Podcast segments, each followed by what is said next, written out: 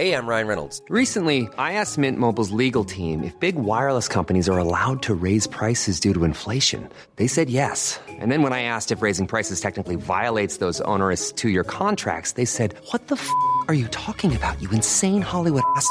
So to recap, we're cutting the price of Mint Unlimited from $30 a month to just $15 a month. Give it a try at mintmobile.com slash switch. $45 upfront for three months plus taxes and fees. Promo for new customers for limited time. Unlimited more than 40 gigabytes per month. Slows. Full terms at mintmobile.com. Hey, it's Ryan Reynolds, and I'm here with Keith, co star of my upcoming film, If, only in theaters, May 17th. Do you want to tell people the big news?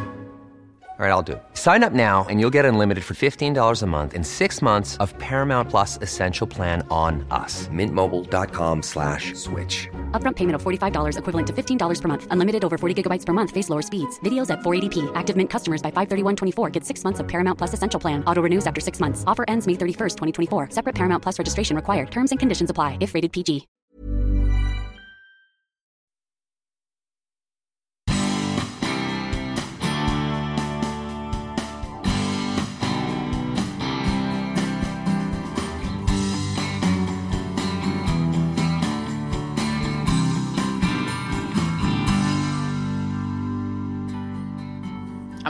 Vara så blind. Tänker jag. Alltså man kan ju inte tänka att men det händer bara på andra skolor, det händer inte hos oss. Eh, men titta på USA. Det, är ju, det händer ju i princip varje månad. Eh, sen minns jag, min mamma var ju höggravid med eh, lillebror. Eh, och han fick vi ju begrava. För att? Ja, han blev ju mördad så fort han föddes. Så de slängde honom i en påse och eh, kvävde honom till döds. Och sen fick min pappa honom så. Mm. Påtryckningar från föräldrar och elever.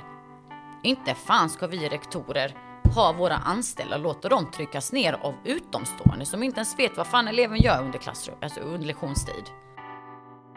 Hade du velat lyssna på det här och kommande avsnitt nästan en vecka före alla andra och utan reklam? Ja, men då går du in på patreon.com spannandemoten och tecknar dig för ett abonnemang. Där får du också en del andra erbjudanden och kanske du dessutom blir inbjuden till ett kommande poddparty som just nu är i en väldigt tidig planeringsfas. Första gången jag träffade Dalila Adilagic var när jag modererade en paneldebatt om vad vi kan göra för att förhindra framtida skolattacker. Arrangör var CVE, Centret mot våldsbejakande extremism.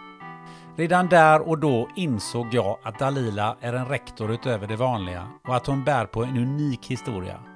Hon berättade att hon kan namnet på alla sina elever på skolan och att hon efter attentatet i Eslöv direkt gick ut till sina medarbetare och sa vi måste förbereda oss för det här kan hända på NTI-gymnasiet i Kristianstad.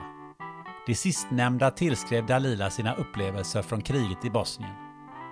Hennes agerande i samband med attacken är lika rak och tydlig som åsikterna kring skola och barnens uppfostran. För att inte tala om den extremt raka berättelsen om krigets fasor i Bosnienkriget. De meningarna golvade mig och jag kan fortfarande inte släppa tankarna och parallellerna till vad som förmodligen händer i Ukraina idag. Här kommer Dalila Adilagic.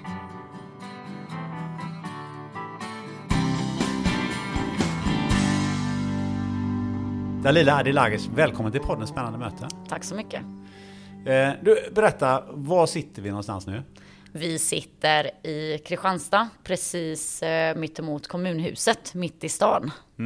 Och eh, på vilken institution är vi på? Vi är på NT-gymnasiet i Kristianstad. Vad är, vad är det för någonting? Det är en gymnasieskola. Som, Vi har ju två inriktningar. Vi har ju el och energiprogrammet och sen har vi teknikprogrammet. Eh, men nu till hösten startar vi även eh, T4, vilket är tekniskt fjärde basår för eh, ungdomar mellan 20 och eh, 22 år. Men och vad är ditt jobb här då?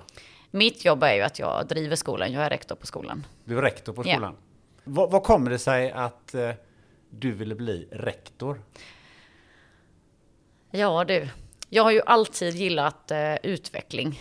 Eh, och eh, redan på gymnasiet så började jag ju hjälpa min samhällslärare med eh, lite IM-elever. Eh, sådana som hade svårt att ja, men, sitta still i skolan eller göra färdigt sina uppgifter. Så jag var ju där inne och liksom ja, körde lite med dem. Lite extra lärare Lite extra lärare började som. Eh, och upptäckte liksom att eh, ja, men det här är ju skitkul. Det här ska jag bli. Jag ska bli lärare. Eh, och samhällskunskap är ju inte min starka sida. Utan eh, jag kände ju redan där från början att ja, men idrott, det är ju en stor del av mitt liv. Så jag blev idrottslärare och läste mitt andra ämne också till eh, engelsklärare då. Men rektor, menar, från att vara lärare till att bli eh, rektor. Varför vill man bli rektor? Ja, men gillar man utveckling och vill göra det bästa eh, för elever, för ungdomar eh, och man, man är duktig, man är en fena på pedagogik och man ser utanför ramarna eh, och man kan ha liksom ett helikopterperspektiv och flera saker i händerna samtidigt, flera bollar i luften liksom. Om då ska man nog satsa lite mer. Men är inte rektor en av de mest utsatta positionerna man kan ha?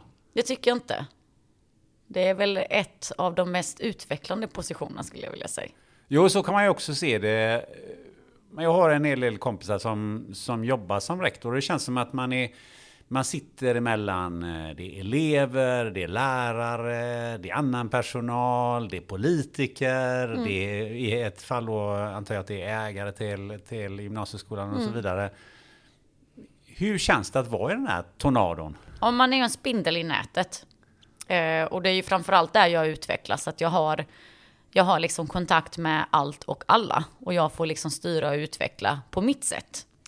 Men om, om man känner att man sitter, ja men som du säger, att, att det liksom tar emot eller att man känner att ja men man är liksom lite i mitten av alltihopa och inte känner sig som egentligen centrumet för allihopa. Då ska man nog inte jobba som rektor. Nej, så är det ju eh, förvisso. Men det kan ju inte vara så här att det är liksom eh, härligt och rosenrött eh, varenda dag. För du måste ju ändå vet du det, ha en hel del diskussioner både med eh, allt med föräldrar som och, och eh, alla möjliga andra som kanske inte alltid är så happy, så som, happy som du ser ut just nu. Här. Nej, nej, det är klart att det är, det är ju inte alltid happy. Alltså det är ju inte alltid liksom ett leende på.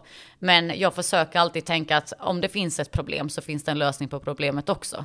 Och det är väl lite hur jag är som person med. Jag har inga problem att sätta ner foten till varken eh, vårdnadshavare eller elever eller att ta en diskussion med min chef eller att ta liksom diskussioner med politiker. För att bara för att de har en åsikt betyder inte att det är den sanna versionen eller den rätta versionen. Eh, och ibland så kan jag ju också ha fel. Eh, och då försöker jag göra om och göra rätt. Det är ju mitt motto i allt. Men är du lite av en eh, diplomat då? Ja, men det är jag nog. Du skulle kunna funka som eh, diplomat eller ambassadör någonstans? Ja, kanske det. Kanske det. Eh, du sa att idrott var någonting centralt hos dig. Vad, vad, vad är det för idrott? Jag spelade ju fotboll eh, sen jag var liten. Jag var väl kanske två år när jag började spela fotboll. Det kommer ju från min pappa såklart. Eh, han spelade mycket fotboll i Bosnien. Eh, och skulle även in i bosniska landslaget. Men det är ju jag som kom i vägen då. Eh, för jag hamnade i magen. Inte på honom. Så det blev ingenting med det. Men eh, när vi kom till Sverige så fick ju pappa även provspela för Malmö FF och sådär. Eh, men sen så lämnade vi Malmö för han fick ju höra eh, negativa saker om Malmö och att man liksom, eh, det är mycket kriminalitet och sådär. Då ville han ju inte att jag skulle växa upp i en sån miljö. Han förstod ju inte hur stort Malmö var egentligen. Var hamnade du någonstans då? Vi hamnade i Hultsfred. Eh, och där började jag förskolan. Eh, och gick där fram tills jag var fem. Och sen så kom pappa i kontakt med eh, släktingar som bodde i eh, lilla Hillestorp utanför Gnosjö. Eh, så vi flyttade dit. Jag fick byta skola. Eh, fortsatte med fotbollen givetvis. Eh, sen har jag också tränat i sprint 60 meter. Eh, så det har ju alltid Bra liksom funnits kombo. med. Ja, men det har alltid funnits med. Eh, Och när jag började plugga här i Kristianstad 2007 till lärare så startade jag eget eh, företag inom pilates. Jag är pilatesinstruktör också. Men det blev aldrig Kristianstad, för de är ju rätt bra i fotboll. Nej, det blev inte det. Jag fick en knäskada. Den kommer emellan, ja. Den kom emellan, ja. Om, om du nu är, du gillar i skolan, hur ser du på din egen skolgång? Min skolgång var ju utmanande, eh, rolig, men tuff. Det var väldigt tufft. Eh, framförallt det här, ja men, förskolan exempelvis. Jag kunde ju inte så jättemånga ord på svenska. Eh, så min, min eh, klasskamrat eh, Gustav, jag kommer aldrig glömma det namnet. Han eh, sa ju till mig att jag skulle säga fuck you. Eh, och jag trodde att det betydde hej. För att han gick liksom och morsade på mig varje morgon, men han sa ju fuck you. Eh, så när jag skulle då träffa min eh, fröken Gulvian första dagen, eh, vi fick ju ställa oss på ett led. Och så neg jag och sen så sa jag fuck you till henne, sådär fint och prydligt och gick in och satte mig. så det, ja. Det var en bra start det på var en bra den start. karriären. ja, jag har ju alltid haft lätt för att lära mig. men det har ju såklart inte varit en dans på rosor, utan jag har ju fått uh, slita mycket uh, och plugga mycket uh, för att prestera lika bra som de svenska eleverna i klassen. För på grund av språkskillnaden ja, så att precis. säga? Men när kände du att du, nu är jag i kapp, nu är språket ingen issue längre? Ja, det gjorde jag nog redan i årskurs två.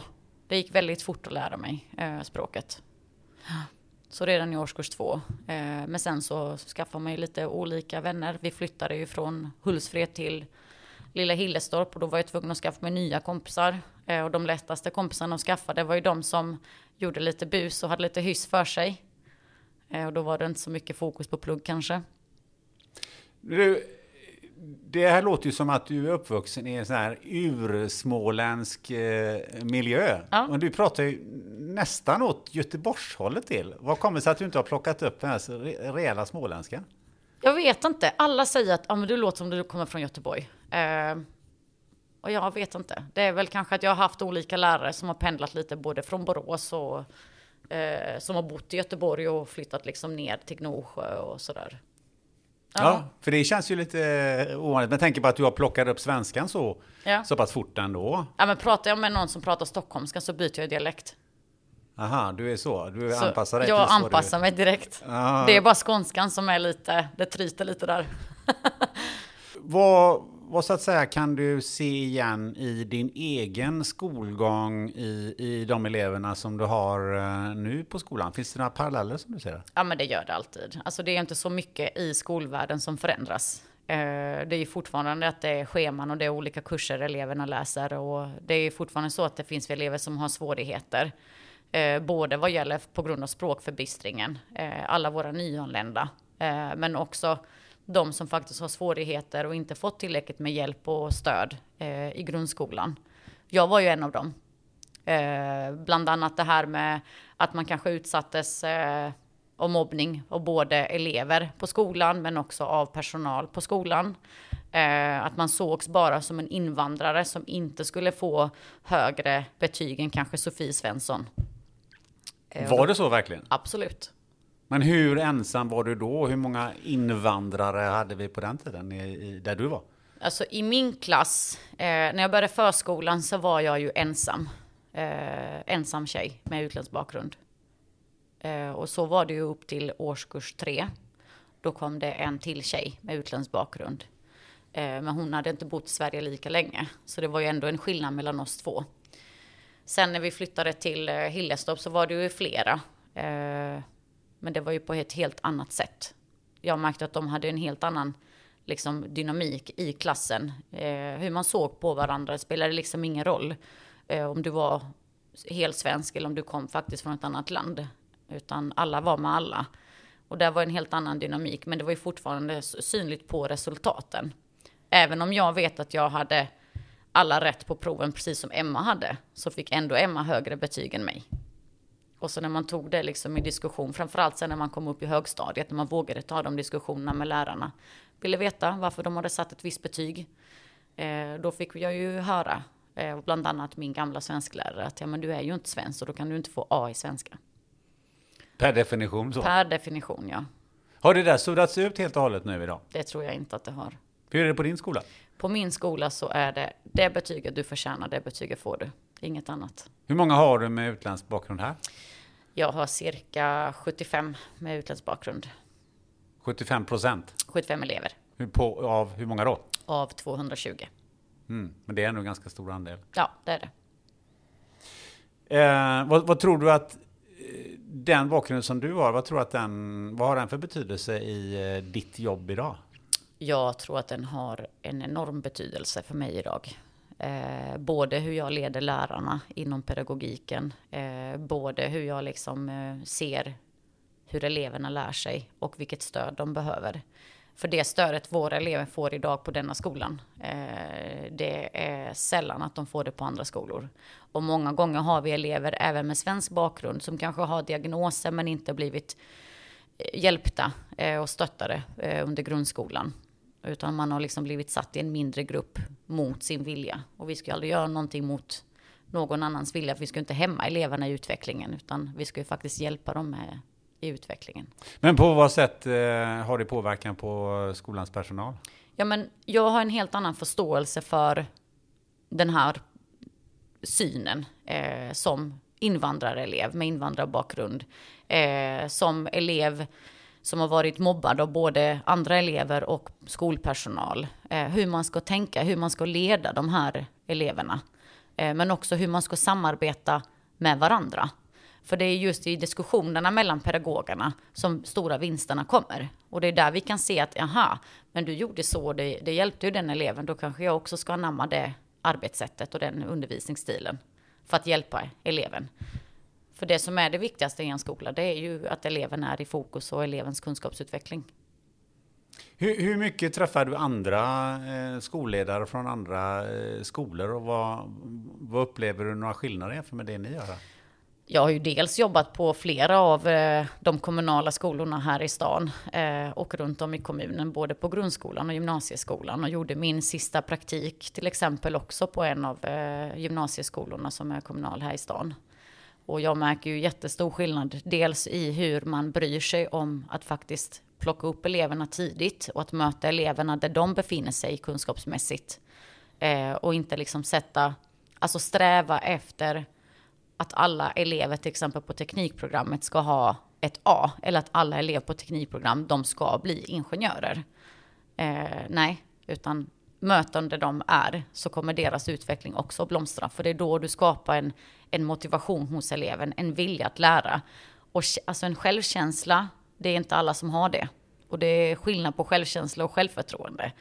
Eh, många ungdomar idag, de kommer liksom och de har frissan på ja, men på topp och sådär och de är coola och allt det här liksom framför sina kompisar. Men självkänslan kan ju fortfarande vara låg. Och det är den som man behöver jobba med väldigt mycket som både pedagog, som rektor, eh, som kamrat. Eh, och förstå sig på att alla människor fungerar på olika sätt. Men det är ju ingen som vill misslyckas. Och har man den synen i sin pedagogik, då får man alla elever att lyckas. Det här eh, tycker jag låter eh, fantastiskt. Det du säger. Det är fantastiskt att jobba med människor. Trots allt detta mm. så kom den 10 januari. Det gjorde den. Vad hände då? Eh, den här eleven har ju farit mycket illa under grundskolan. han blev inte sedd, han blev inte bekräftad. han blev liksom bara en i mängden. Och det är det som är det farliga när ungdomar blir en i mängden vi jobbar väldigt mycket med relationell pedagogik och det är liksom att du ska skapa en relation till din elev. Du ska förstå hur eleven tänker. Eh, prata lite om, för att förstå också hur har eleven det hemma. För det är inte alla elever som har föräldrar som har liksom akademisk bakgrund som kan hjälpa dem med läxorna när det är svårt och, och så vidare. Eller som har föräldrar som är närvarande där hemma. Det är många föräldrar som måste jobba obekväma tider för att kunna försörja sin familj helt enkelt. Eh, och vi plockade upp honom snabbt. Eh, och eh, han fick kompisar i klassen. Började blomma. Började prata mycket mer, var mer social. Eh, han blev också en av de som var utvalda till att åka till eh, Sundsvalls eh, Challenge. Och då var det Robot Challenge. Eh, man programmerar egna robotar och skapar liksom från scratch. Producerar och allting. Och han var ju överlycklig över att han faktiskt blev vald för det är ju alla elever på skolan som eh, tävlar om, om att faktiskt åka med. Och det är bara fyra stycken som vi skickade. Och sen så blir det ju jullov. Eh, och sen så startar skolan den 10 januari. Och då attackerar han Kan du berätta vad som hände? Ja, vi börjar ju alltid måndagarna med att ha ett APT klockan åtta. Ett vad för något? Ett APT. Vad är det? Arbetslagsmöte. Eh, och eh, där så var det några elever som eh, skickade sms till mig, kan inte vi bli insläppta? Så vi blev ju precis färdiga där vid niosnåret. Så jag gick ju ner eh, och biträdande, vi öppnade upp för några stycken och där satt ju den här eleven vid eh, hissen på trappan. Så jag satt ju mig bredvid honom, som jag gör med alla elever och hälsade liksom och la en arm runt. Eh, och ja, men frågade hur läget var och liksom vad han hade gjort under jullovet och sådär. Och så bad jag honom att gå upp så att han inte skulle komma för sent till eh, lektionen. För han skulle inte sitta där nere liksom. Och jag gick ut och sen när jag gick upp igen eh, satte mig på kontoret, skulle bara in och betala räkningen. Eh, vad jag trodde var räkningen för eh, APL utomlands. Eh, det är praktiken utomlands som vi erbjuder våra elever. Och då kom det en lärare som eh, säger snabbt till mig så här, liksom andan i halsen, att det är en elev i klassrum 2 som har kniv. Så då rusar jag ju dit. Eh, och jag möts ju på vägen av eh, just den drabbade klassen. Eh, drabbade läraren som haltar och jag frågar honom liksom, mår du bra? Jag är okej, okay, säger han. Och i periferin så hinner jag räkna eleverna. Och jag upptäcker sen att det saknas två. Eh, längst ner som klassrum befinner sig i gången så står en lärare och en elev och håller emot dörren medan en annan lärare hjälper till att vända på skåpet så att man kan barrikera. Och jag skriker, är det, är det fler där inne? Och jag får svaret, jag vet inte. Och jag vet att det finns en nödutgång i det klassrummet. Så jag rusar ju ner för trapporna, ner i garaget där eh, den här nödutgången leder. Ropar eh, efter folk, men jag hör ingenting. Och på vägen upp så blir jag stoppad av eh, Kristianstadsbladet. De säger eleverna är här. Eh, och i samma veva så har jag lyckats på något vänster att ringa upp min chef och även smsa henne att det har skett en skolattack, en knivattack. Och då har jag henne i luren samtidigt som jag liksom går in och räknar av eleverna. Och upptäcker att den här eleven som är då, som blev knivskadad, eh, sitter med ryggen mot mig. Och det är liksom en blodfläck lika stor som en femkrona. Och jag har ju alla år jobbat inom vården, eh, sommarjobbat. Eh, så jag fattar att det här är en inre blödning. Nu är liksom bara frågan hur stor. Så jag sätter mig ner framför eleven och försöker liksom få kontakt med honom och se hur närvarande är han. Eh, och eh, det får jag, tack och lov. Och sen kommer ju då ambulanspersonal eh, som tar hand om honom. Och då kan jag gå vidare till de här eh, andra tre och prata med dem. Och den femte där får jag reda på att han har ju liksom sprungit ner och han har sprungit ut. Och då tänker jag att han har sprungit ut för att han söker efter hjälp. Och den närmsta du kan söka hjälp det är ju antingen har han sprungit till polishuset eller i gallerian där det alltid är liksom vakter och så vidare. Vad var din första tanke när, du, när den här läraren kom och sa att det är någon som har kniv? Vad tänkte du? Alltså det första jag tänkte på det var ju att eh, alla måste sättas i säkerhet. Så under tiden jag sprang till det här klassrummet och det, det tar ju inte mer än knappt en minut att ta sig dit. Eh, så har jag låst in en klass. Eh, en annan klass har jag först in i köket. Eh, för där har vi branddörrar på båda sidorna och det är det säkraste utrymmet. Plus att det finns nödutgång. Sen hinner jag ju tänka att jag måste höra av mig till föräldrar för nyheten vet jag att Kristianstadsbladet kommer ju vara snabba med. Så jag måste vara först ut med det till föräldrar åtminstone. Eh, på Skolstopp som är vår sån eh, kommunikationsplattform. Och eh, det gör jag i springande stund. Och jag hinner räkna alla i personalen.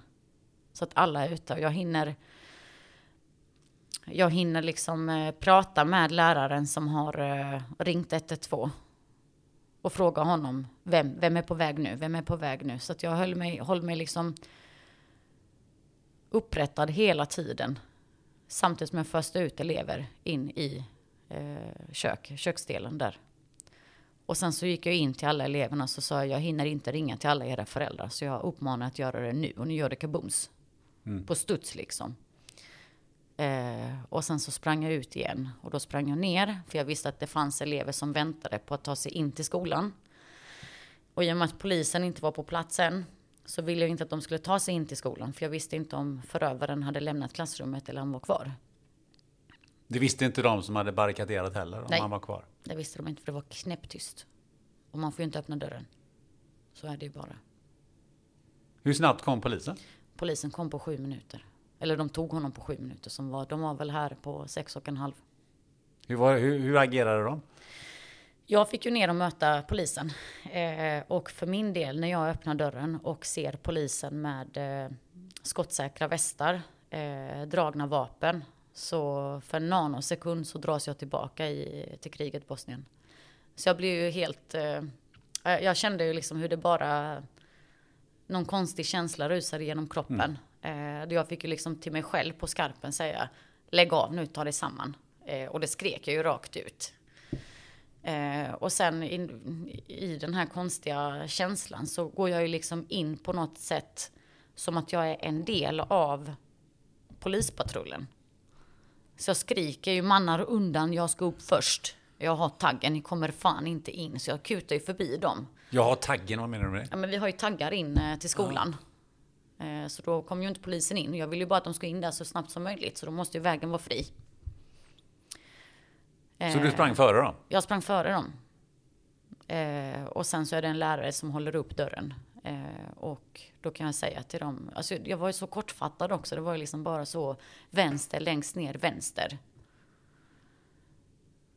Det var, ja det var, det var konstigt.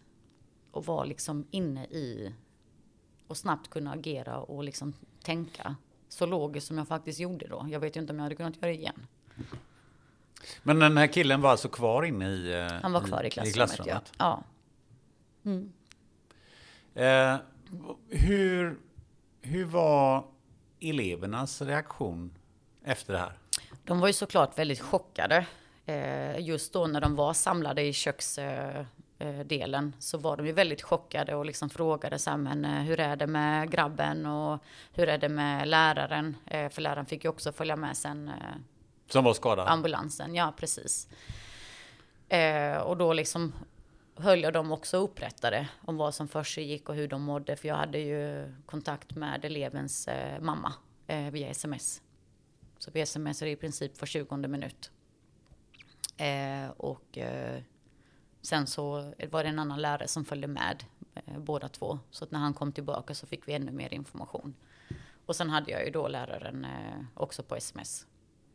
Och hur reagerade personalen på skolan på det här? Såklart var alla chockade, inklusive mig själv. För det, det är ju ingenting som man förväntar sig ska hända. Men det är ju också ingenting som vi, som vi i höstas när det hände i Eslöv som vi tänkte men det här hände inte hos oss. Utan det var ju mer att jag stod och höll i det här APT för eh, lärarna även i höstas och sa det här är jättehemskt det som har hänt i Eslöv och kan vi så ska vi stötta upp på alla möjliga sätt. Eh, och vi skickade ju blommor och så eh, till eh, skolan eh, som omtanke. Och då så minns jag liksom att jag sa att jag kan ju inte stå och säga till er att det här kommer inte inträffa hos oss. Eh, såklart önskar jag att det aldrig inträffar någonstans. Eh, men jag kan inte säga det. För det kan inträffa. Och då var ju alla liksom det, men det är klart att det kan inträffa. Det är ju inte så att det inte kan inträffa. Eh, Kan du bara berätta, vad, eh, så att alla vet, Eslöv har kanske inte alla koll på, vad, vad hände i Eslöv? Eslöv var det ju också en skolattack. Och Bara några var det, månader innan, Det var i augusti, skolstarten. Eller i september där. ja, förra året. Förra alltså året, 2021. Ja. Precis. Du själv då? Vem tog hand om dig? Min chef. Faktiskt, Ellen. Eh, den kvinnan, hon är, alltså hon är ett hjärta av guld. Och jävlar vilken stöttepelare hon är. Hon är på helt rätt position där hon är. Eh, hon är skolchef. Nu är hon mammaledig så jag har en tillförordnad skolchef. Men han är också jätteduktig. Eh, eh, HR hade jag också på tråden, eh, Johan. Och hon, eh, hon var ju väldigt mycket på mig att jag skulle ha samtal med psykologer. Och, men det är inte riktigt så jag hanterar saker och ting. Utan jag måste först lyssna inåt. Och liksom, först måste jag se till så att okej, det här har hänt. Vad gör jag härnäst för att stötta upp personal, elever och vårdnadshavare? Men lyssna inåt säger du. Det där är ju lyssna utåt. Lyssna inåt. Hur, hur går det till hos dig? Ja, då är det mycket att jag är för mig själv. Att jag är mycket ute och går kanske. Att jag tar en powerwalk och bara rensar skallen. Eh, går igenom dagen, går igenom det som har hänt, går igenom vad jag har gjort. Eh, går igenom en plan för mig själv, vad jag behöver göra ännu mer. Eh, och sen gör jag det. Det är mitt sätt att göra det inåt. Det låter väldigt rationellt sådär. Ja, Men vad, vad tar, eh, eller när kommer känslor upp ur det här? För det måste ju också vara... ja men det tror jag det kommer göra nu mer under eh, semestern. Eh, så. Hur hanterar familjen det? Jag kan ju säga att eh, de var ju jätteoroliga. Eh, framförallt min pappa. Han ringde ju mig kanske en 70 gånger den dagen och jag hann ju inte svara. Eh, och samtidigt som jag går ut och, till personal och elever och säger hör av er till era anhöriga och tala om att ni liksom är okej.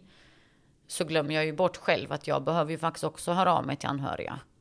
Eh, och det är ju den skadade läraren som säger till men har du hört av dig till din man?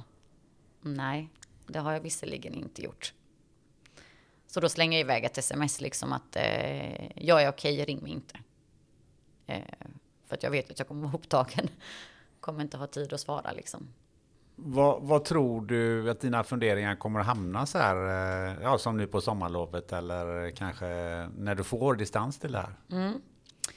Jag kommer nog aldrig kunna få distans till det. Eh, utan det här kommer jag ju använda för att tänka till ett extra varv så att säga. Eh, På men- vad sätt då? Ja, men att jag ska ännu mer vara på tårna när det kommer, för nu får vi ju nya elever. Eh, och där tänker jag liksom att då måste man vara ännu snabbare på att fånga upp eleverna. Eh, och jag kommer se till så att vi får information och överlämning från varenda grundskola eleverna lämnar. Det är tyvärr så i, i det här samhället att om det inte är obligatoriskt så, så gör folk inte det. Och jag känner att jag vill gärna ha den överlämningen från rektorer. Eh, blivit nekad många gånger när, vi, när jag har liksom eh, velat veta varför en elev bara har godkänt i till exempel biologi eller musik och idrott men inte i resten. Eh, att ja, men då får du ta det med specialpedagoger. Men det är faktiskt rektorer som är ytterst ansvariga. När du efter Eslövs eh, eh, incidenten eh, eller attacken så, så sa du att det här kan hända hos oss också. Eh, varför trodde du det? Ja, man kan ju inte vara så blind. Tänker jag. Alltså man kan ju inte tänka att nej, men det händer bara på andra skolor, det händer inte hos oss. Eh, men titta på USA. Det, är ju, det händer ju i princip varje månad. Men hur många tror du tänker på det sättet? Nej, Jag tror inte att det är så många, men man borde nog börja tänka. Eh, alltså går du över ett övergångsställe och det är liksom en jättetrafikerad gata, då kommer du tänka att du behöver titta på båda hållen och inte bara åt ett håll innan du går över. Ja, men skolattacker, är du i relation till hur många skolor vi har i Sverige så är det ju en, som tur är, Ja. en väldigt ovanlig händelse. Men ovanliga händelser sker åt dem också. Vad, Bevisligen. bevisligen. Vad, vad gjorde du för åtgärder? Jag valde ju att eh, genomgå CVE-utbildningen. Vad är det för utbildning? Eh, inte CVE, PDV heter den. CVE där vi deltog i. Eh, PDV-utbildningen det är ju brottsförebyggande. Och betyder pågående dödligt våld. Det gör om det. Förkortningen. Vad, vad innebär det?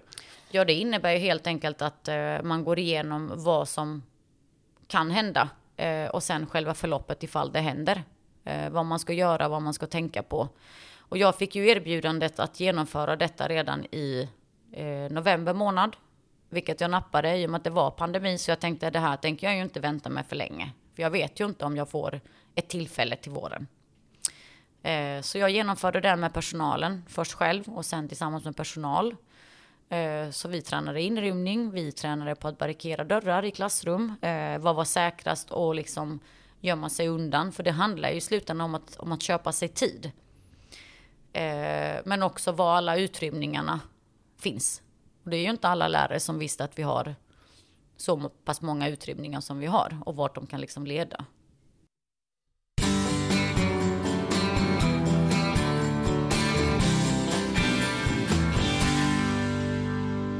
Den här podden sponsras av Life Genomics, ett kliniskt laboratorium i Göteborg som bland annat erbjuder covid-tester. Har du precis bokat en resa på kort varsel och behöver PCR eller antigentest för covid-19 Ja, då kan du gå in på coronapassport.se för att hitta en vårdgivare i din närhet och boka en tid för test och friskhetsintyg. Life Genomics har samarbete med kliniker över hela Sverige.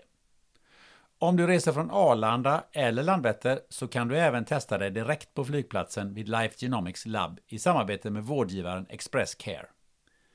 Där kan du få ett antigentest med reseintyg inom 30 minuter och ett PCR-test och reseintyg inom 2 till 4 timmar.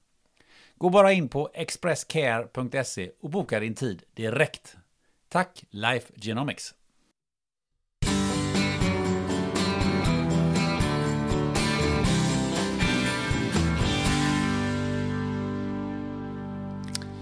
Nu måste vi ta en sväng ner till eh, Bosnien, för nu har vi nämnt mm. några gånger att, eh, eh, att du kom hit som barn och eh, också relation till, till detta då när, du, eh, när poliserna anlände.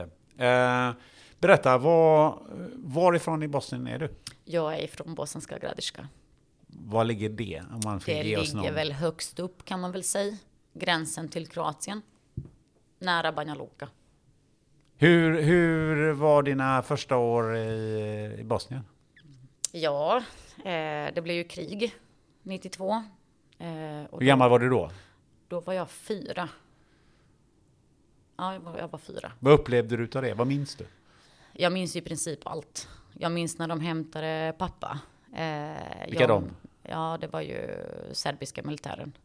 Eh, jag minns eh, när eh, de första bomberna började falla. falla. Eh, vi fick gå liksom till grannens eh, källare och gömma oss där. Och då var det jag och min mamma, eh, min farmor var där vid tillfälle, min kusin, eh, grannfrun eh, och flera andra. Liksom av, eh, men då var det ju mest eh, kvinnor och barn.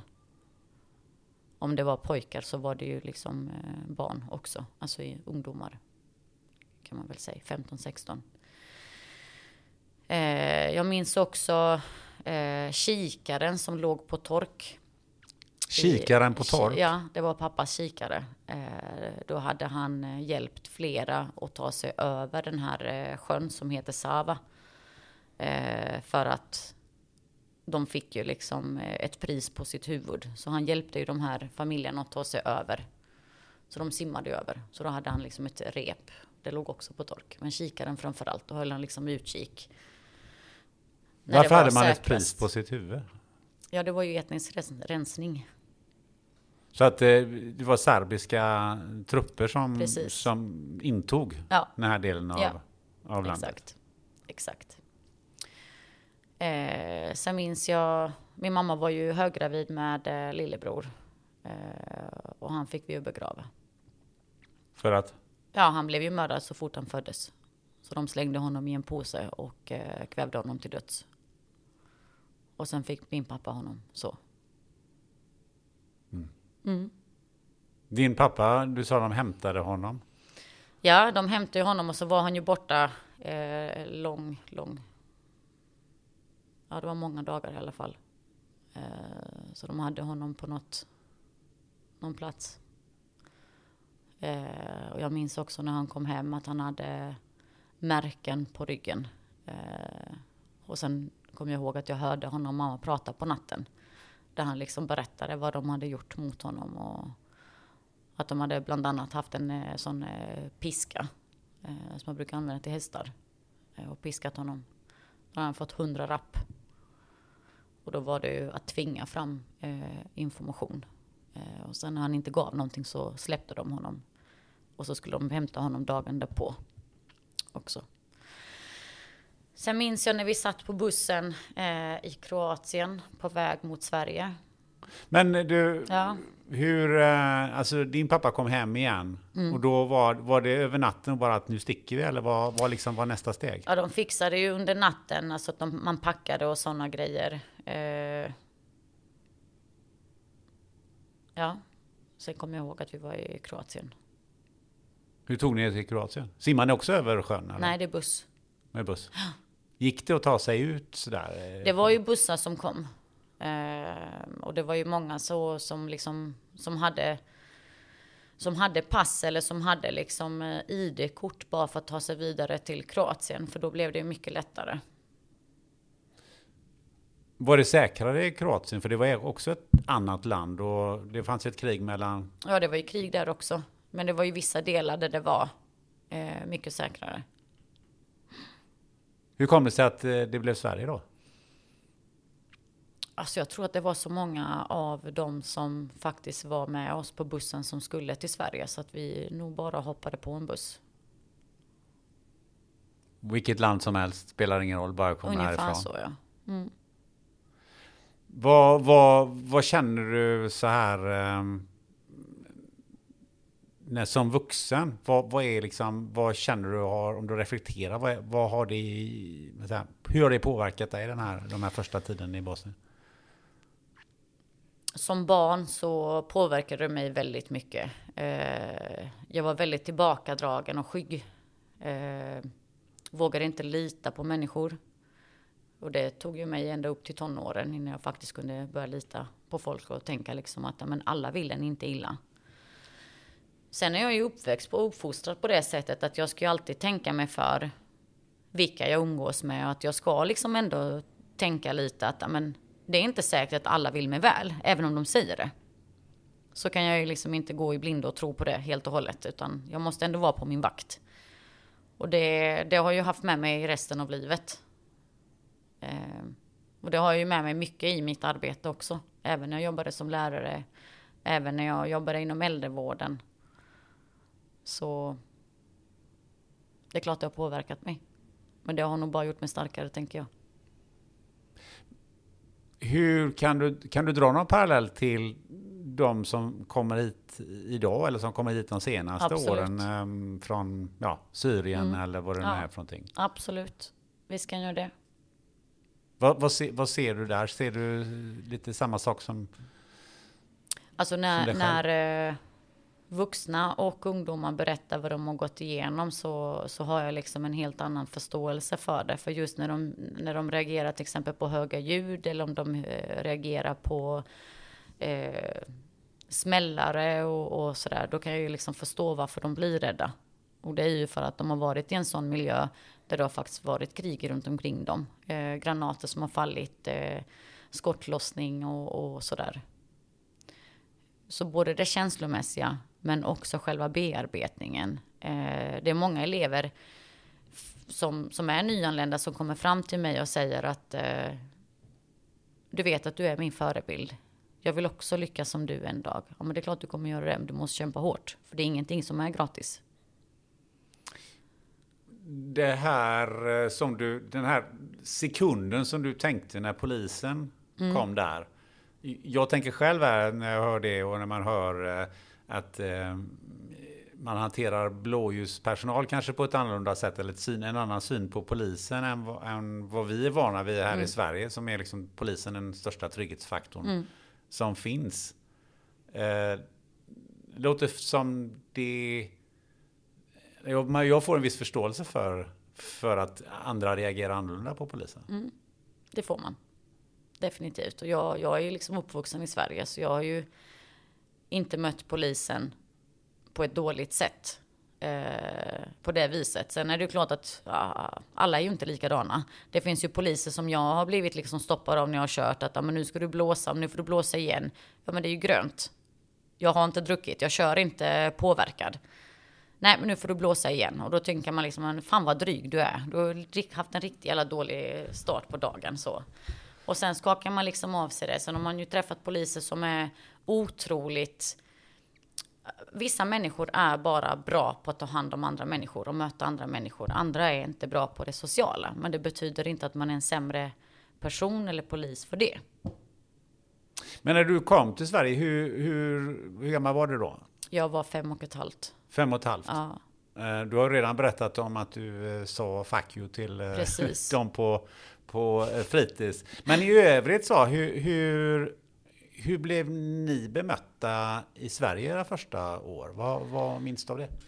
Alltså jag minns ju att vi, mamma och pappa gick ju till exempel på SFI och jag fick ju liksom gå på, alltså då hette det ju dagis. Eh, nu heter det ju förskola. Men innan jag började F-klassen då så Here's a cool fact a crocodile can't stick out its tongue. Another cool fact you can get short term health insurance for a month or just under a year in some states. United Healthcare short term insurance plans are designed for people who are between jobs, coming off their parents' plan, or turning a side hustle into a full time gig. Underwritten by Golden Rule Insurance Company, they offer flexible, budget friendly coverage with access to a nationwide network of doctors and hospitals. Get more cool facts about United Healthcare short term plans at uh1.com. Ever catch yourself eating the same flavorless dinner three days in a row? Dreaming of something better? Well, HelloFresh is your guilt free dream come true, baby. It's me, Gigi Palmer. Let's wake up those taste buds with hot, juicy pecan crusted chicken or garlic butter shrimp scampi. Mm. Hello Fresh. Stop dreaming of all the delicious possibilities and dig in at HelloFresh.com. Let's get this dinner party started. Hey, it's Ryan Reynolds, and I'm here with Keith, co star of my upcoming film, If, only in theaters, May 17th. Do you want to tell people the big news? All right, I'll do it. Sign up now and you'll get unlimited for $15 a month in six months of Paramount Plus Essential Plan on us. Mintmobile.com slash switch. Upfront payment of $45 equivalent to $15 per month. Unlimited over 40 gigabytes per month. Face lower speeds. Videos at 480p. Active Mint customers by 531.24 get six months of Paramount Plus Essential Plan. Auto renews after six months. Offer ends May 31st, 2024. Separate Paramount Plus registration required. Terms and conditions apply if rated PG. och fick jag ju gå liksom på förskolan och, och träffade en massa andra barn där och lärde mig liksom, alltså det var ju barn också från andra kulturer. Så för min del så var det ju precis som att jag var liksom i, i ett annat land. genom att jag inte riktigt förstod vad jag skulle göra där. Och det var ju bara för att mamma och pappa skulle liksom kunna lära sig svenska så fort som möjligt och även ut på praktik. För de, de ville ju liksom inte leva på SOS. Eh, det ansågs skamligt. Utan du ska försörja dig själv helt enkelt. Ansågs av vem då? Jag tror folket.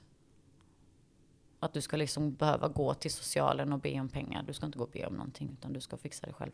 Men var det lite, vad menar du folk? Menar att det var ansågs skamligt för, för dina föräldrar att ja. de inte ville gå dit? Eller var det ansågs det skamligt av, av svenskarna i nej, samhället? Nej, nej, nej, utan jag tror att det är mer liksom av eh, andra eh, juggar.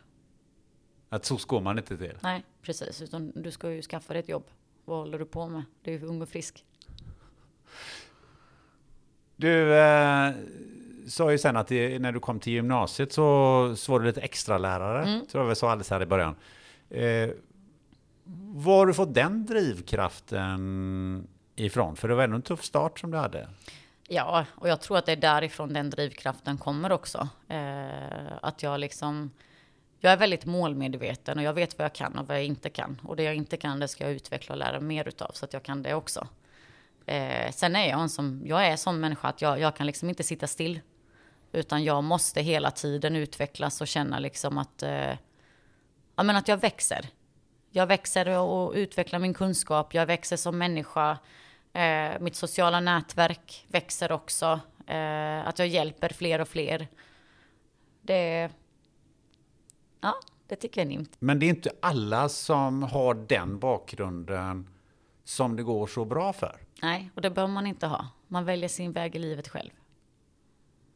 Men hur ser du på det eh, att man, kan man lika gärna hamna i kriminalitet? Och Definitivt. I, varför, vad, vad, är det som är skiljevägarna här då mellan där du har hamnat och ja, det kunde ju gått åt andra hållet också. Mm. Mm. Hur, hur, vad har gjort att du hamnat där du har hamnat nu? Det är ju min uppfostran från mina föräldrar och min farmor som inte är i livet idag. Eh, men hon har ju betytt hela världen för mig. Just det här att man lär sig från tidig ålder vad som är rätt och fel. Och varför man inte ska göra fel. Eh, det är så lätt att säga för föräldrar att nej men de ska du inte umgås med, de håller ju på med detta och detta. Tänk på alla faror. Ja men du pratar ju fortfarande till tonåringar som inte har ett pannben. De kan inte tänka logiskt i den åldern. Eh, kollar man på de medicinska faktorerna så är, tänker man ju logiskt först när man är 21. Eh, framförallt när man är en grabb, för man utvecklas lite i efterhand än vad tjejer gör. Eh, men Att man har föräldrarna med sig. Och att föräldrar verkligen pratar och har koll på sina barn. Min pappa hade ju koll på vad jag än var. Jag kunde ju aldrig ljuga för honom. Jag försökte många gånger men det gick inte. Det var den enda gången där jag faktiskt kunde smita ut utan att han visste vad jag var. Det var ju när jag sov över hos farmor. Men hon däckar ju när vi kollar på film så det var ju bara att vrida tillbaka klockan så tror hon att klockan är sex fast den är tio. Ja, det var ju, det var ju smarta metoder. Eh, om du ser till idag då, eh, du måste ju ha rätt många elever som inte har den typen av eh, föräldrar. Vad händer då? Jag pratar väldigt mycket med dem. Jag pratar och jag visar dem vad de kan bli, vad som kan leda om man sköter skolan. Eh, sen har vi ju, vi har ju praktikplatser som våra årskurs två och tre år går ut till. Och då får de ju gå och besöka. Eh, de får prata med andra som jobbar där som, som de kanske känner igen i olika sammanhang. Eh, vi pratar väldigt mycket i de olika ämnena, till exempel samhällskunskapen, så pratar man ju väldigt mycket och tar in eh, olika föreläsare till eleverna. Både de som hamnade snett, men som tagit sig ut. Hur viktigt det är att göra rätt från början, men också att ha- alltid ha med sig, även om du har gjort fel, så har du fortfarande chansen att rätta till det. Och det har man alltid. Tillbaka till eh, den här händelsen. Eh, vad, hur skulle du beskriva den här personen då? Han var som vilken elev som helst. Eh, han var lugn, han var lyhörd. Eh, han ville lära sig mer. Eh, han var rolig. Eh, gillade att skämta. Även om han hade lite eh, annorlunda skämt. Och med annorlunda så menar jag liksom att eh, ja, men han kunde ju säga att ja, men jag hoppas att trilla ner och bryter benet. Eh, så det, det är ju liksom inte i närheten av oss som vuxna så har han ju aldrig uttryckt någonting som man hade liksom, där man hajade till. Fanns det någon, någonting, någonting du uppmärksammade långt innan att här är, det kan ändå vara någonting annat här? Nej, det, jag minns ju när eh, polisen ringde till mig i höstas eh, och han skulle på förhör gällande Eslövgrabben. Och då frågade jag, är det någonting som jag behöver hålla ett extra öga på? Nej, det han ska ju vittna emot. Så varför var han inkallad på grund av det? Det fick jag aldrig reda på för det är ju sekretess. Men det var att han skulle vittna emot. Så han hade ju saker och ting som kunde fälla eh, Eslöv-killen. Men det visade ju ändå att han hade en kontakt med den här killen Precis, innan. precis. Var det någon annan som reagerade över det och sa att hallå, här är det någon, varför har han haft kontakt med honom? Nej. Det var ingen tanke Nej. som, som För slog er? när, när jag sen kallar in eleven dagarna efter och pratar med honom gällande det här just eh, liksom att, eh, men varför, varför kallar de in dig? Hur känner du den här killen? Vi har bara spelat spel tillsammans. Eh, Så han hade skrivit någonting i chatten som han då skulle visa upp. Vilken kontakt hade ni med föräldrarna? Med mamman hade jag jättebra kontakt. Eh, mejlade henne, hon mejlade tillbaka. Vi hade eh, även eh, samtal, eh, minst en gång i veckan. Eh, och liksom det hon tackar skolan så mycket för liksom den här uppmärksamheten och att hon liksom känner igen sitt barn på ett helt annat sätt. Eh, mycket gladare. Eh, så en jättebra relation. Men vad, vad tänker du nu då? För det är ju lätt att reflektera efteråt. Mm. Det är alltid lätt att säga saker och ting ja, men med facit i hand och så Mm. vidare. Så det, det finns ju alltid en risk att vi hamnar där. Men ändå, menar, eh, någonstans så gör man ju den typen av reflektion. Visst gör man det. Men den bilden som, som du har nu och relation till det som hände. Det är ett jätteglapp där. Vad, Mm. vad tänker du om det? Jag tänker ju framförallt, vad hände under jullovet? Hände någonting speciellt eh, där hemma? Eller började han bete sig på ett alltså, annorlunda? Eh, träffade han kompisar han inte brukade träffa under skoltid? Eh, hur fick han tag på telefon?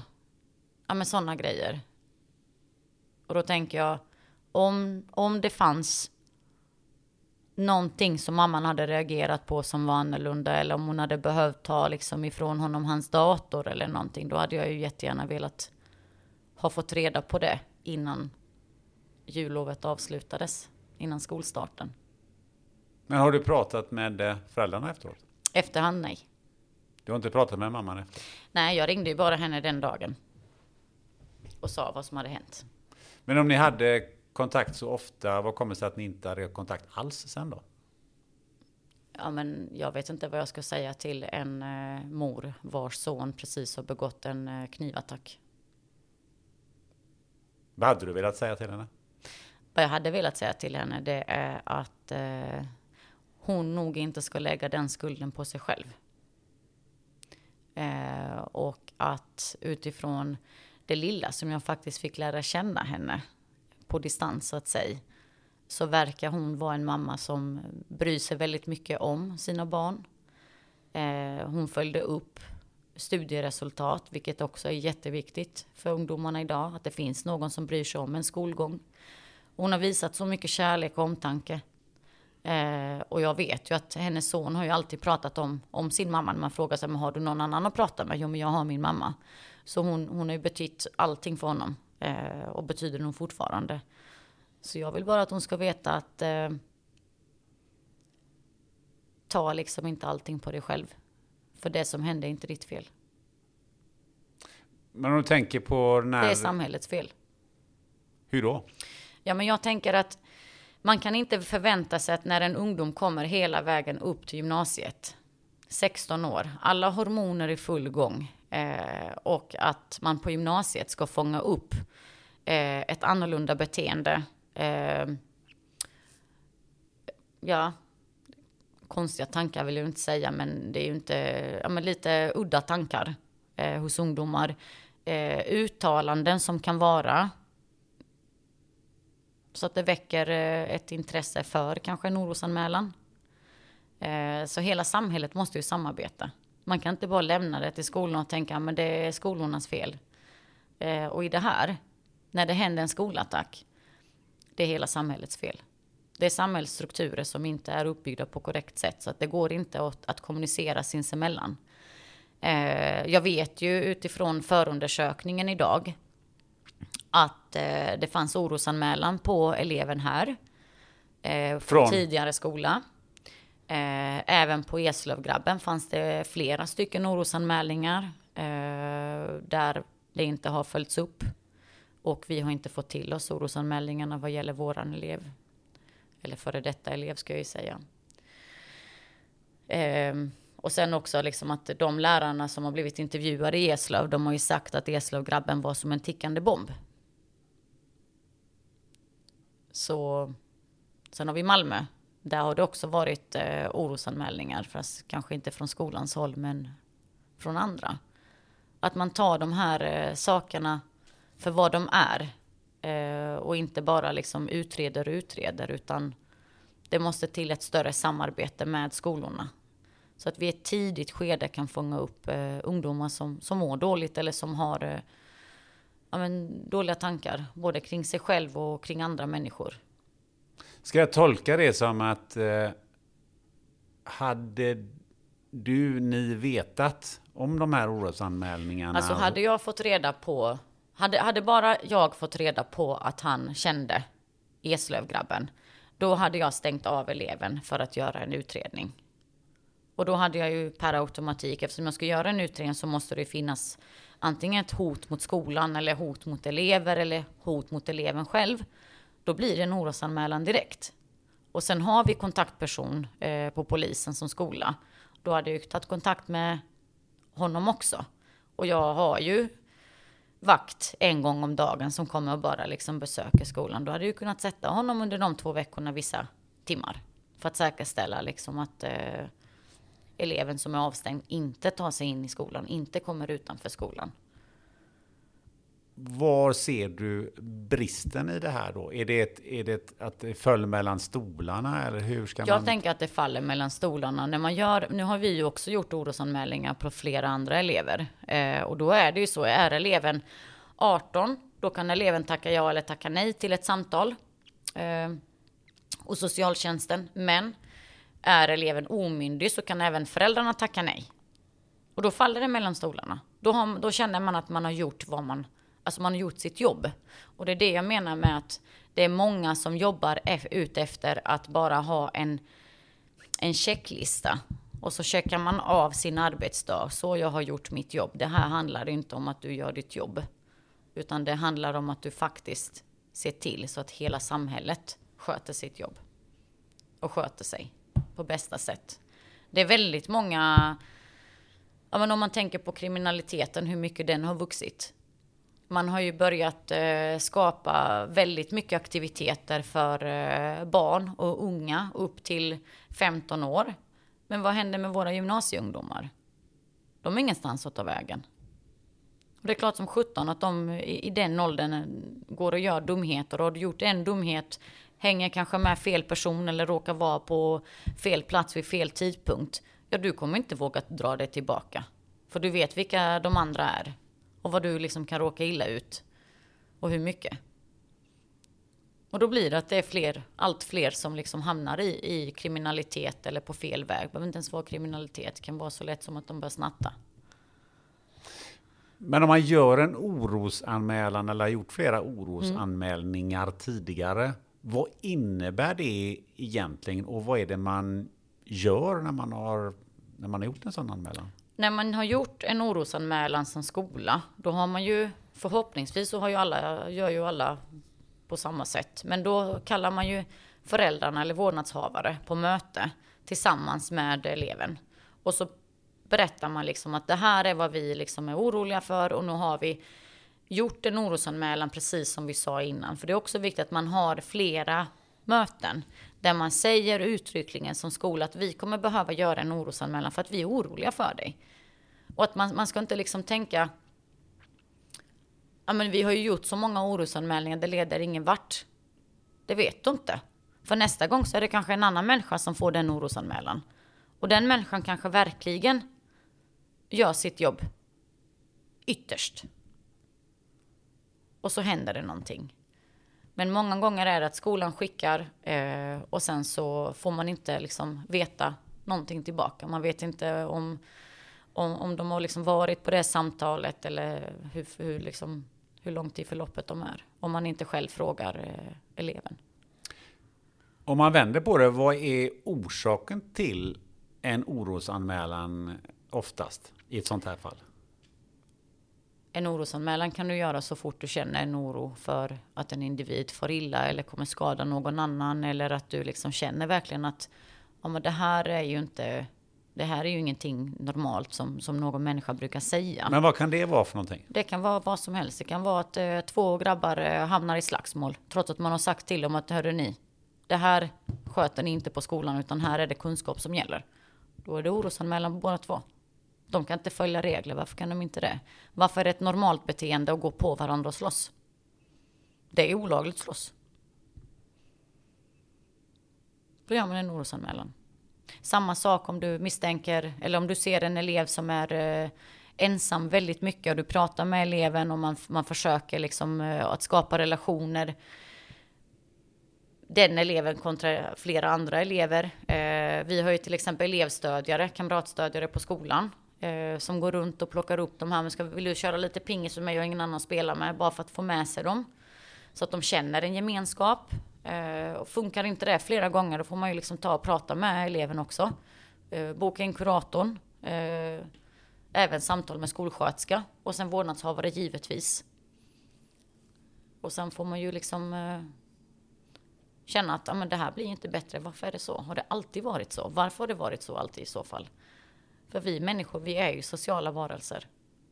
Vi gillar ju inte att vara ensamma hela tiden. Och det är ju någonting man verkligen behöver liksom eh, lyfta ögonbrynen för.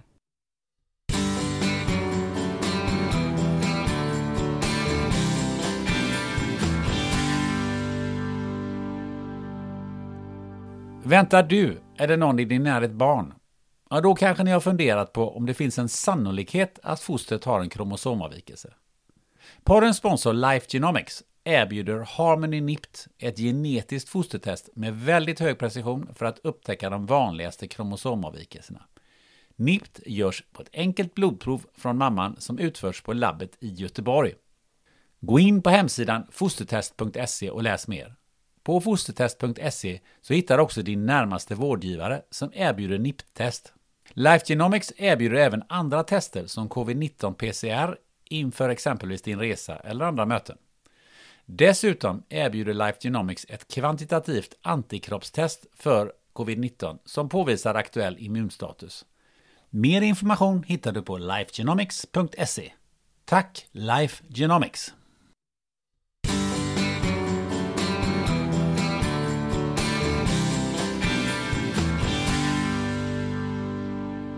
Vad har språket man använder eh, i skolan för betydelse? Nu börjar du din karriär med, med fuck you, men, mm. eh, men om, om vi faktiskt lyfter det till, till gymnasieskolan, där, eller högstadiet också för den där det används en hel del uttryck som ju inte är direkt rumsrena mm. om varandra. Vad har det för betydelse för, för eh, i det här fallet och, och i överhuvudtaget i stämningen på skolan? Men det har ju jättestor betydelse. Det är ju, det är ju, så är det ju med allt. Det är just det här som jag pratar om, att man ska ha det hemifrån, vad som är rätt och fel.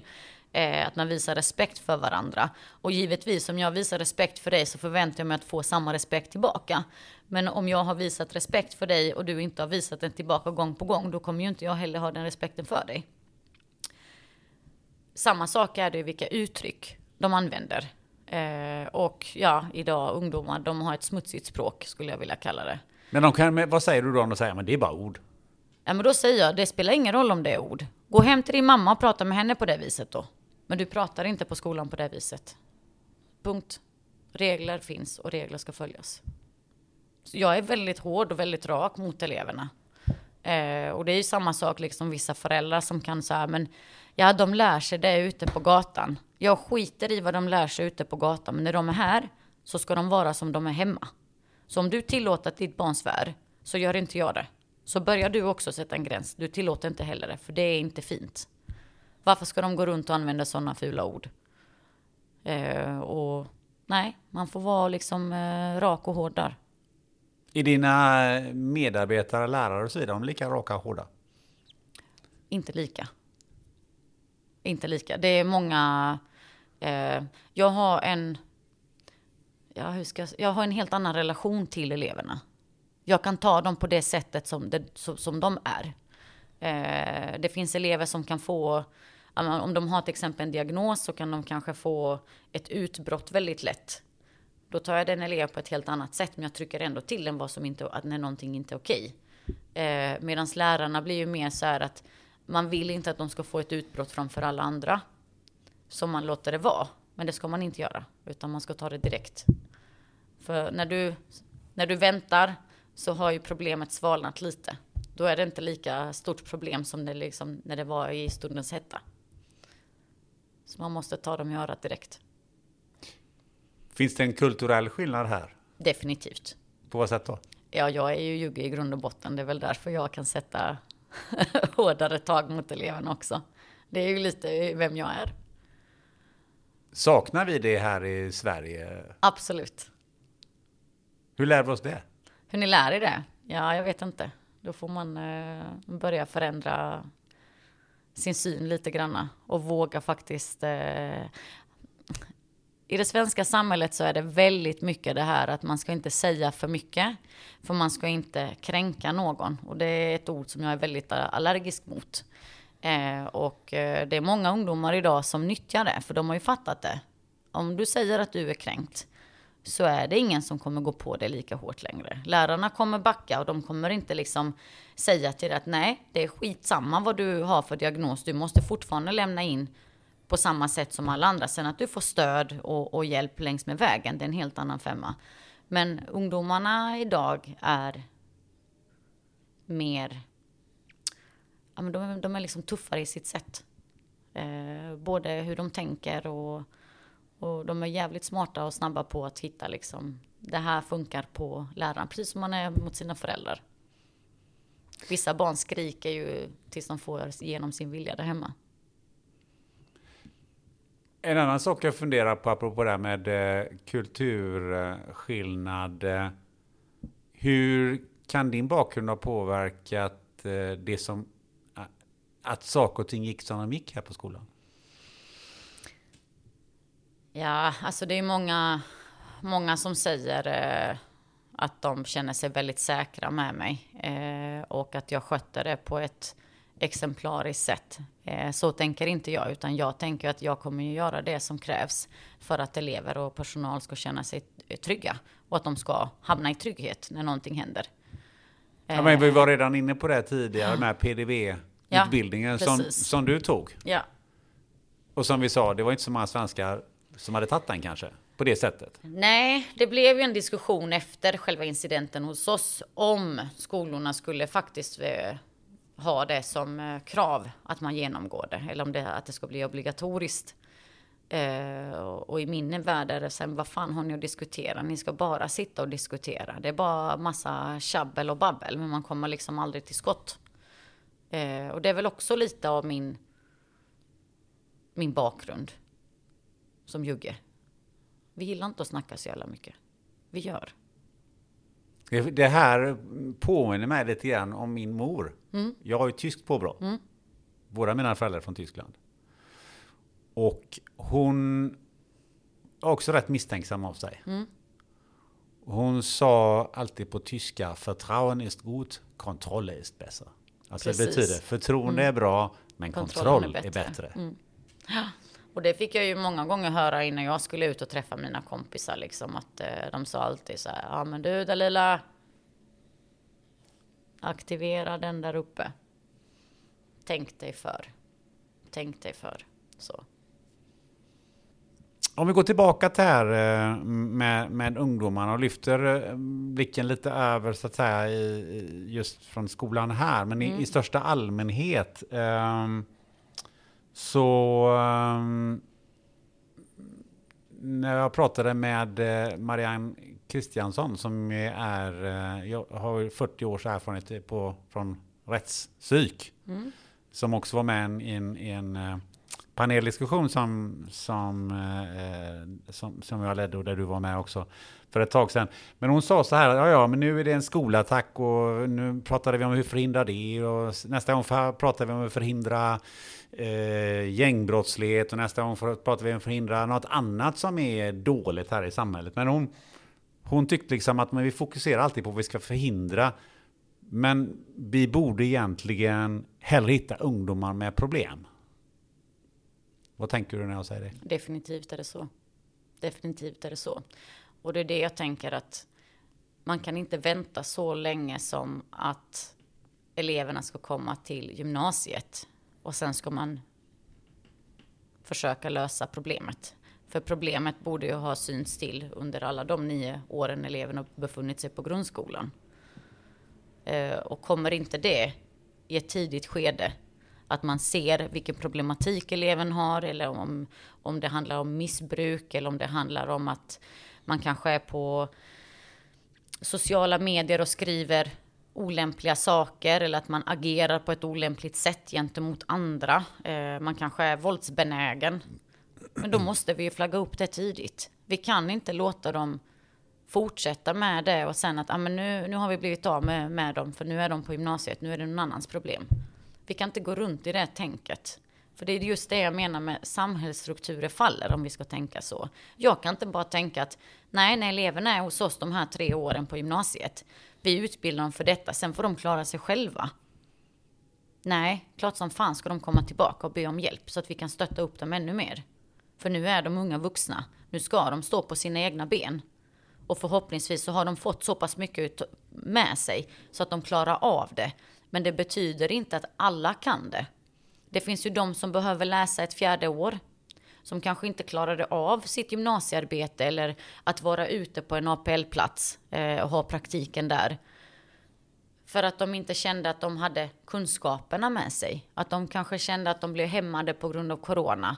Eller att de känner liksom att nej men nu kommer jag ju inte ha min lärare. Jag kommer inte vara på skolan. Det är inte samma stöd. De känner inte sig säkra. Ja men då är det klart att vi ska stötta upp dem där. Och samma sak måste förskolepersonal, fritidspedagoger, grundskolelärare, gymnasielärare, rektorer, ja men alla instanser egentligen i samhället. Vi måste hjälpas åt om vi ska liksom kunna stävja detta och kunna se att det finns barn som har problem och inte vänta tills någonting inträffar. Ja, vi kan, vi kan förbereda oss med eh, PDV-utbildningar för att veta hur vi ska hantera när det väl händer. Men vi måste samtidigt kunna samarbeta över gränserna. Grundskolan till gymnasiet, olika gymnasieskolor och inte heller, det har jag också märkt av att när man ringer till vissa grundskolor och vill ha en överlämning. Ja, men ni är en fristående skola. Jag tror inte att vi får ge, eh, lämna över till er. Ja, men dra mig baklänges. I vilken jävla skollag står det? Det är ju, då, då blir jag liksom, då kommer mitt sån här Balkanhumör fram och tänker, nej, för helvete, nu lägger jag på. Det är inte ens lönt att snacka med dig människa. Men det måste bli ett bättre samarbete, en större kommunikation och att man fan vågar prata om det. Det är sån jävla tystnadskultur i Sverige överallt. Överallt.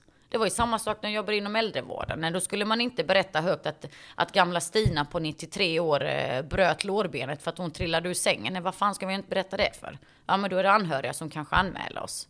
Samma sak är det med rektorer på gymnasieskolor och grundskolor. Så fort det är en förälder som är eh, kanske rektor själv eller jobbar liksom som eh, ingenjör eller gymnasieskola eller vad det nu kan vara. Påtryckningar från föräldrar och elever. Inte fan ska vi rektorer ha våra anställda och låta dem tryckas ner av utomstående som inte ens vet vad fan eleven gör under, klassrum, alltså under lektionstid. Sånt, sånt går jag igång på. Mm, nu blir jag irriterad. Du, det här måste vi fortsätta på. Men sluta banka i bordet. Jag ska sluta banka i bordet. Nej, men, eh, där tycker jag vi tar en, en sväng in. Vi har ju varit där och touchat lite grann. Eh, så, som det, så som vi har det just nu. Eh, och, och det som du påvisar här, det, du, du har ju inte varit ensam om att säga det. Men vad beror det på, enligt dig? Att det är på det här sättet? Ja, men jag tror att det är så samhället ser ut. Jo, men man vi är ju alla samhället. Man ska, jo, men alltså, man ska inte liksom säga för mycket och man ska inte trampa folk på tårna. Och det där, vi ska inte kränka någon. Var kommer det ifrån, att vi inte ska kränka någon då? Ja, jag vet inte. Du måste ju ha sett det lite mer utifrån än, än kanske jag som ändå är infödd här. Ja, jag vet inte. Alltså, vi i, i, i mitt hemland, i Bosnien, så det, det, finns inte det uttrycket. För då, alltså, kränkt finns inte riktigt, utan det är mer förolämpad. Men då ska det vara så pass grovt eh, så att det verkligen är en förolämpning.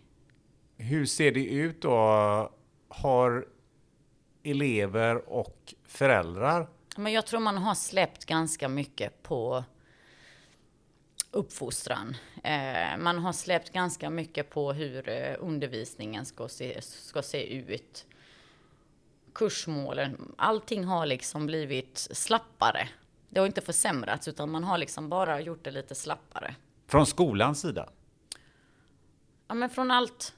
Det var ju det är inte så länge sedan eh, det stod i tidningarna till exempel om hur eh, föräldrar curlar sina barn. Och då var det ju många barnpsykologer eh, och psykiatrer som gick ut liksom och sa vad påföljderna kan bli av detta. Eh, att man inte ska curla sitt barn för mycket utan att det är bra att de tar ansvar. Ja, det är väl resultatet vi ser idag.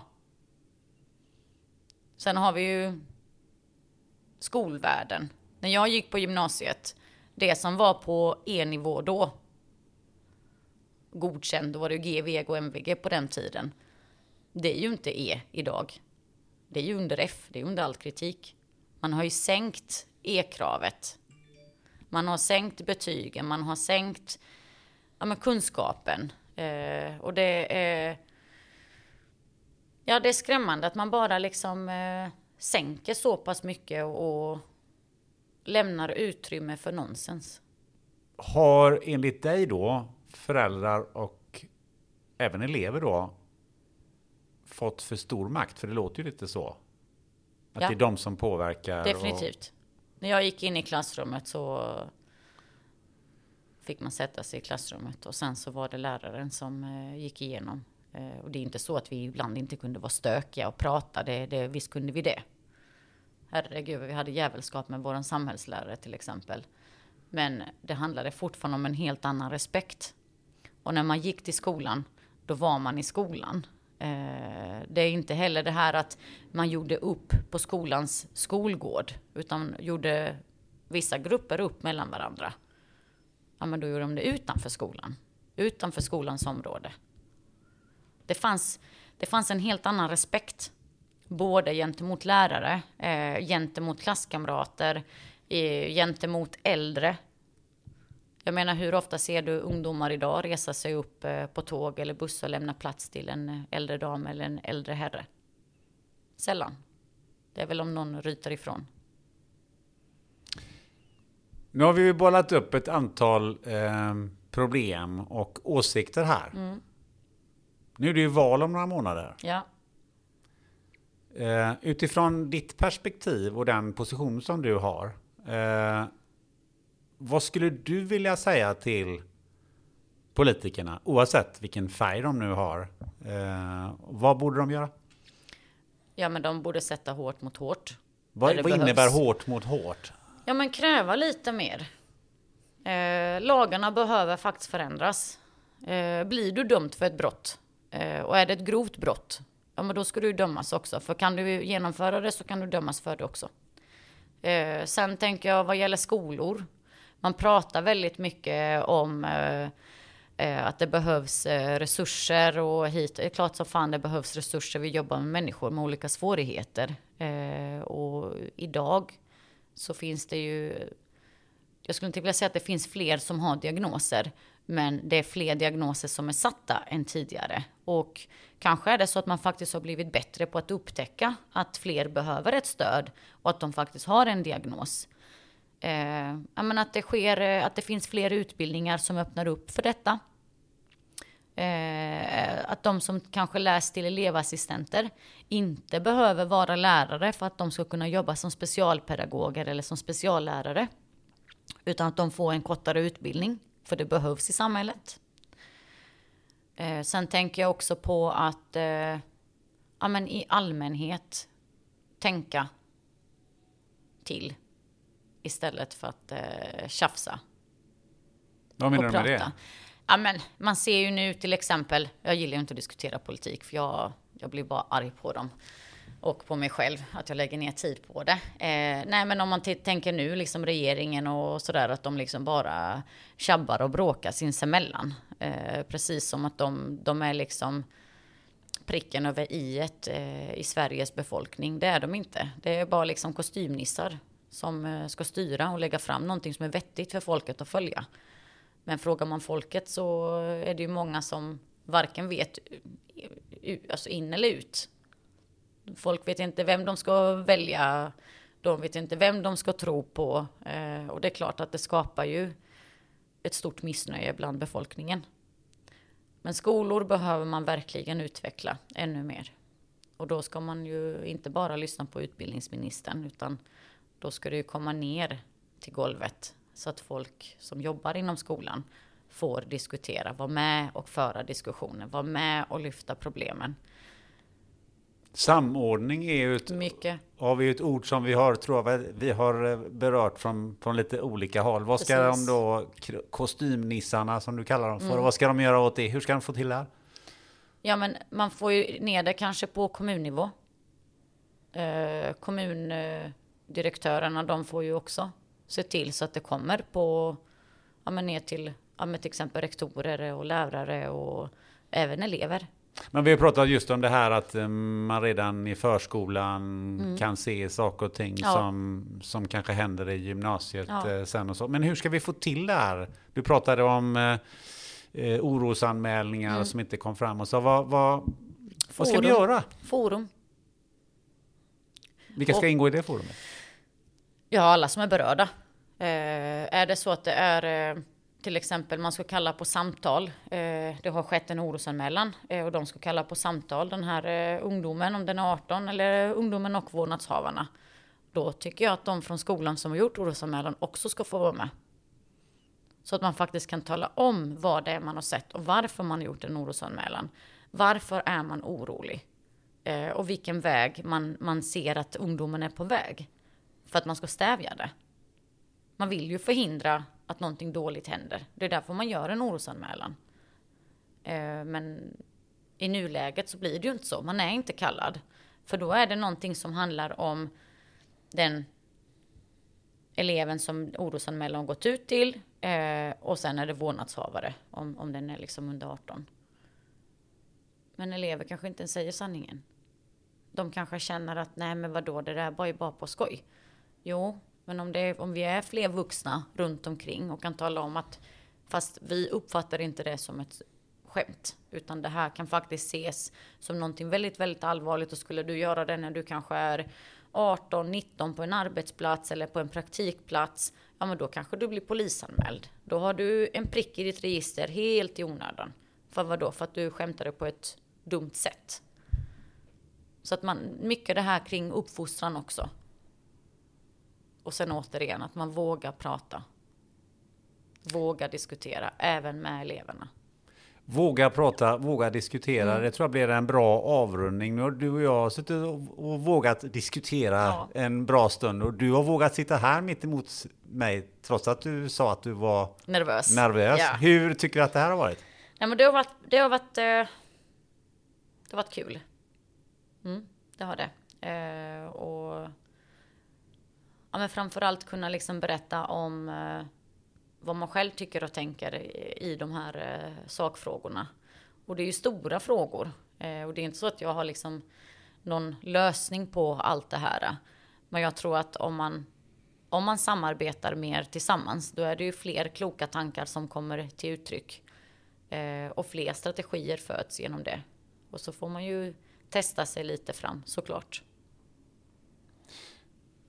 Om eh, du skulle vilja se någon annan här i eh, den här podden, har du klurat ut vem det skulle kunna tänkas vara som jag borde intervjua?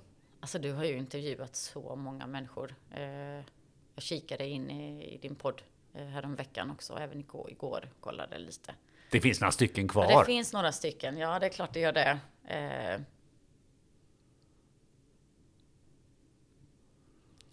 Du får välja precis vem du vill. En del har valt, någon har valt Gud. Eh, det har jag varit ja, med om. Någon har valt sin son. Eh, eh, så att det, det är den spännvidden du har. Någon har sagt Ivanka Trump. Så att... Ja. Möjligt eller omöjligt, det återstår ju att se. Ja, Gud får jag lite problem, jobbigt ja, med. Det, men... det får du verkligen. men nej, men jag tänker just Zlatan har ju precis släppt sin film nu eh, som jag tittade på häromdagen med mina egna barn. Eh, och min äldsta, hon, eh, hon skrattade så hon höll på att kikna. Så sa jag till henne, men det, det är exakt sådär som jag och din pappa har vuxit upp. Va? Ja, exakt sådär växte vi upp och exakt den liksom svårigheten och, och, att man inte blev accepterad och utanförskapet. Det har ju vi fått uppleva väldigt mycket och liksom vuxit upp med. Så det blev ju en, en det blev någonting som var ett, någonting normalt för oss. Eh, att möta andra liksom svenskar när man träffar dem första gången när de säger men du pratar ju jättebra svenska. Ja men hallå, jag har ju faktiskt bott här i 30 år också. Vad förväntar du dig? Jag hade inte förväntat mig göteborgska i och för sig. Men... Nej, kanske inte. Så är Zlatan ditt förslag? Zlatan är mitt förslag, ja. Men nu har ju du och Zlatan ungefär samma rötter, åtminstone någorlunda. Ja. Um, men vad är det som fick honom att driva vidare och inte ge upp? Men fixar du kontakten? Ja, det blir fan svårt. Jag följer honom dock på Instagram. Ja. Brukar skriva ibland. Ja, vad härligt. Mm. Bra. Eh, slutligen, om man vill eh, komma i kontakt med dig eller följa dig på något sätt på sociala medier och så här, hur, hur gör man då? Det kan man inte. Man kan inte komma i kontakt med dig? Jo, via mail kan man göra och man kan ju alltid ringa mig. Eh, det står ju på skolans hemsida. Så en till gymnasiet i Precis. Kristianstad? Ja. Så får man tag på dig? Så får man tag på mig. För det kan ju hända att det är någon fler som vill intervjua dig eller du ska hålla något, något anförande någonstans? Ja, det är inte säkert jag ställer upp. jag väljer. Du väljer? Jag ja, väljer. Ja, men det är Precis. fantastiskt bra. Dalila Adilagic, Stämmer tack så hemskt mycket för att du ville vara med i den här podden. Tack själv. Du har nu lyssnat till det 122 avsnittet av podden Spännande möten. Som jag sa inledningsvis, vill du stötta podden och lyssna till avsnitten före alla andra utan reklam? Då gör du som Björn, Hanna och Per. Gå in på Patreon.com, sök upp spännande möten och teckna dig för ett abonnemang. Nästa avsnitt, det blir något utöver det vanliga. Det vågar jag redan nu utlova. Du kommer få träffa dialogpolisen Johan Hed. Bland annat får du reda på varför det är värt att lägga våra skattepengar på skyddet av Rasmus Paludan, vad han tycker om hundra blodiga demonstranter och vilka hans åtta önskegäster är. Missa inte det! Tills dess så vet du vad du gör. Du sätter dig med en vän, tar något gött att dricka och funderar på vad du skulle vilja fråga en politiker. Ha det gött!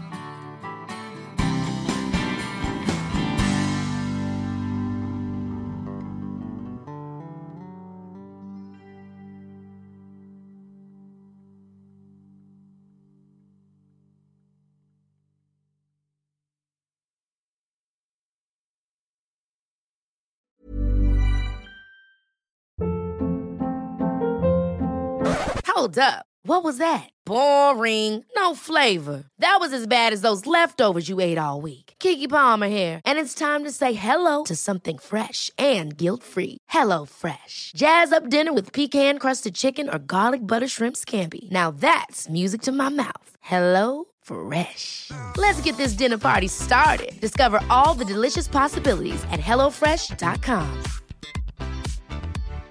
Hi, I'm Daniel, founder of Pretty Litter. Cats and cat owners deserve better than any old fashioned litter. That's why I teamed up with scientists and veterinarians to create Pretty Litter. Its innovative crystal formula has superior odor control and weighs up to 80% less than clay litter. Pretty Litter even monitors health by changing colors to help detect early signs of potential illness. It's the world's smartest kitty litter. Go to prettylitter.com and use code ACAST for 20% off your first order and a free cat toy. Terms and conditions apply. See site for details.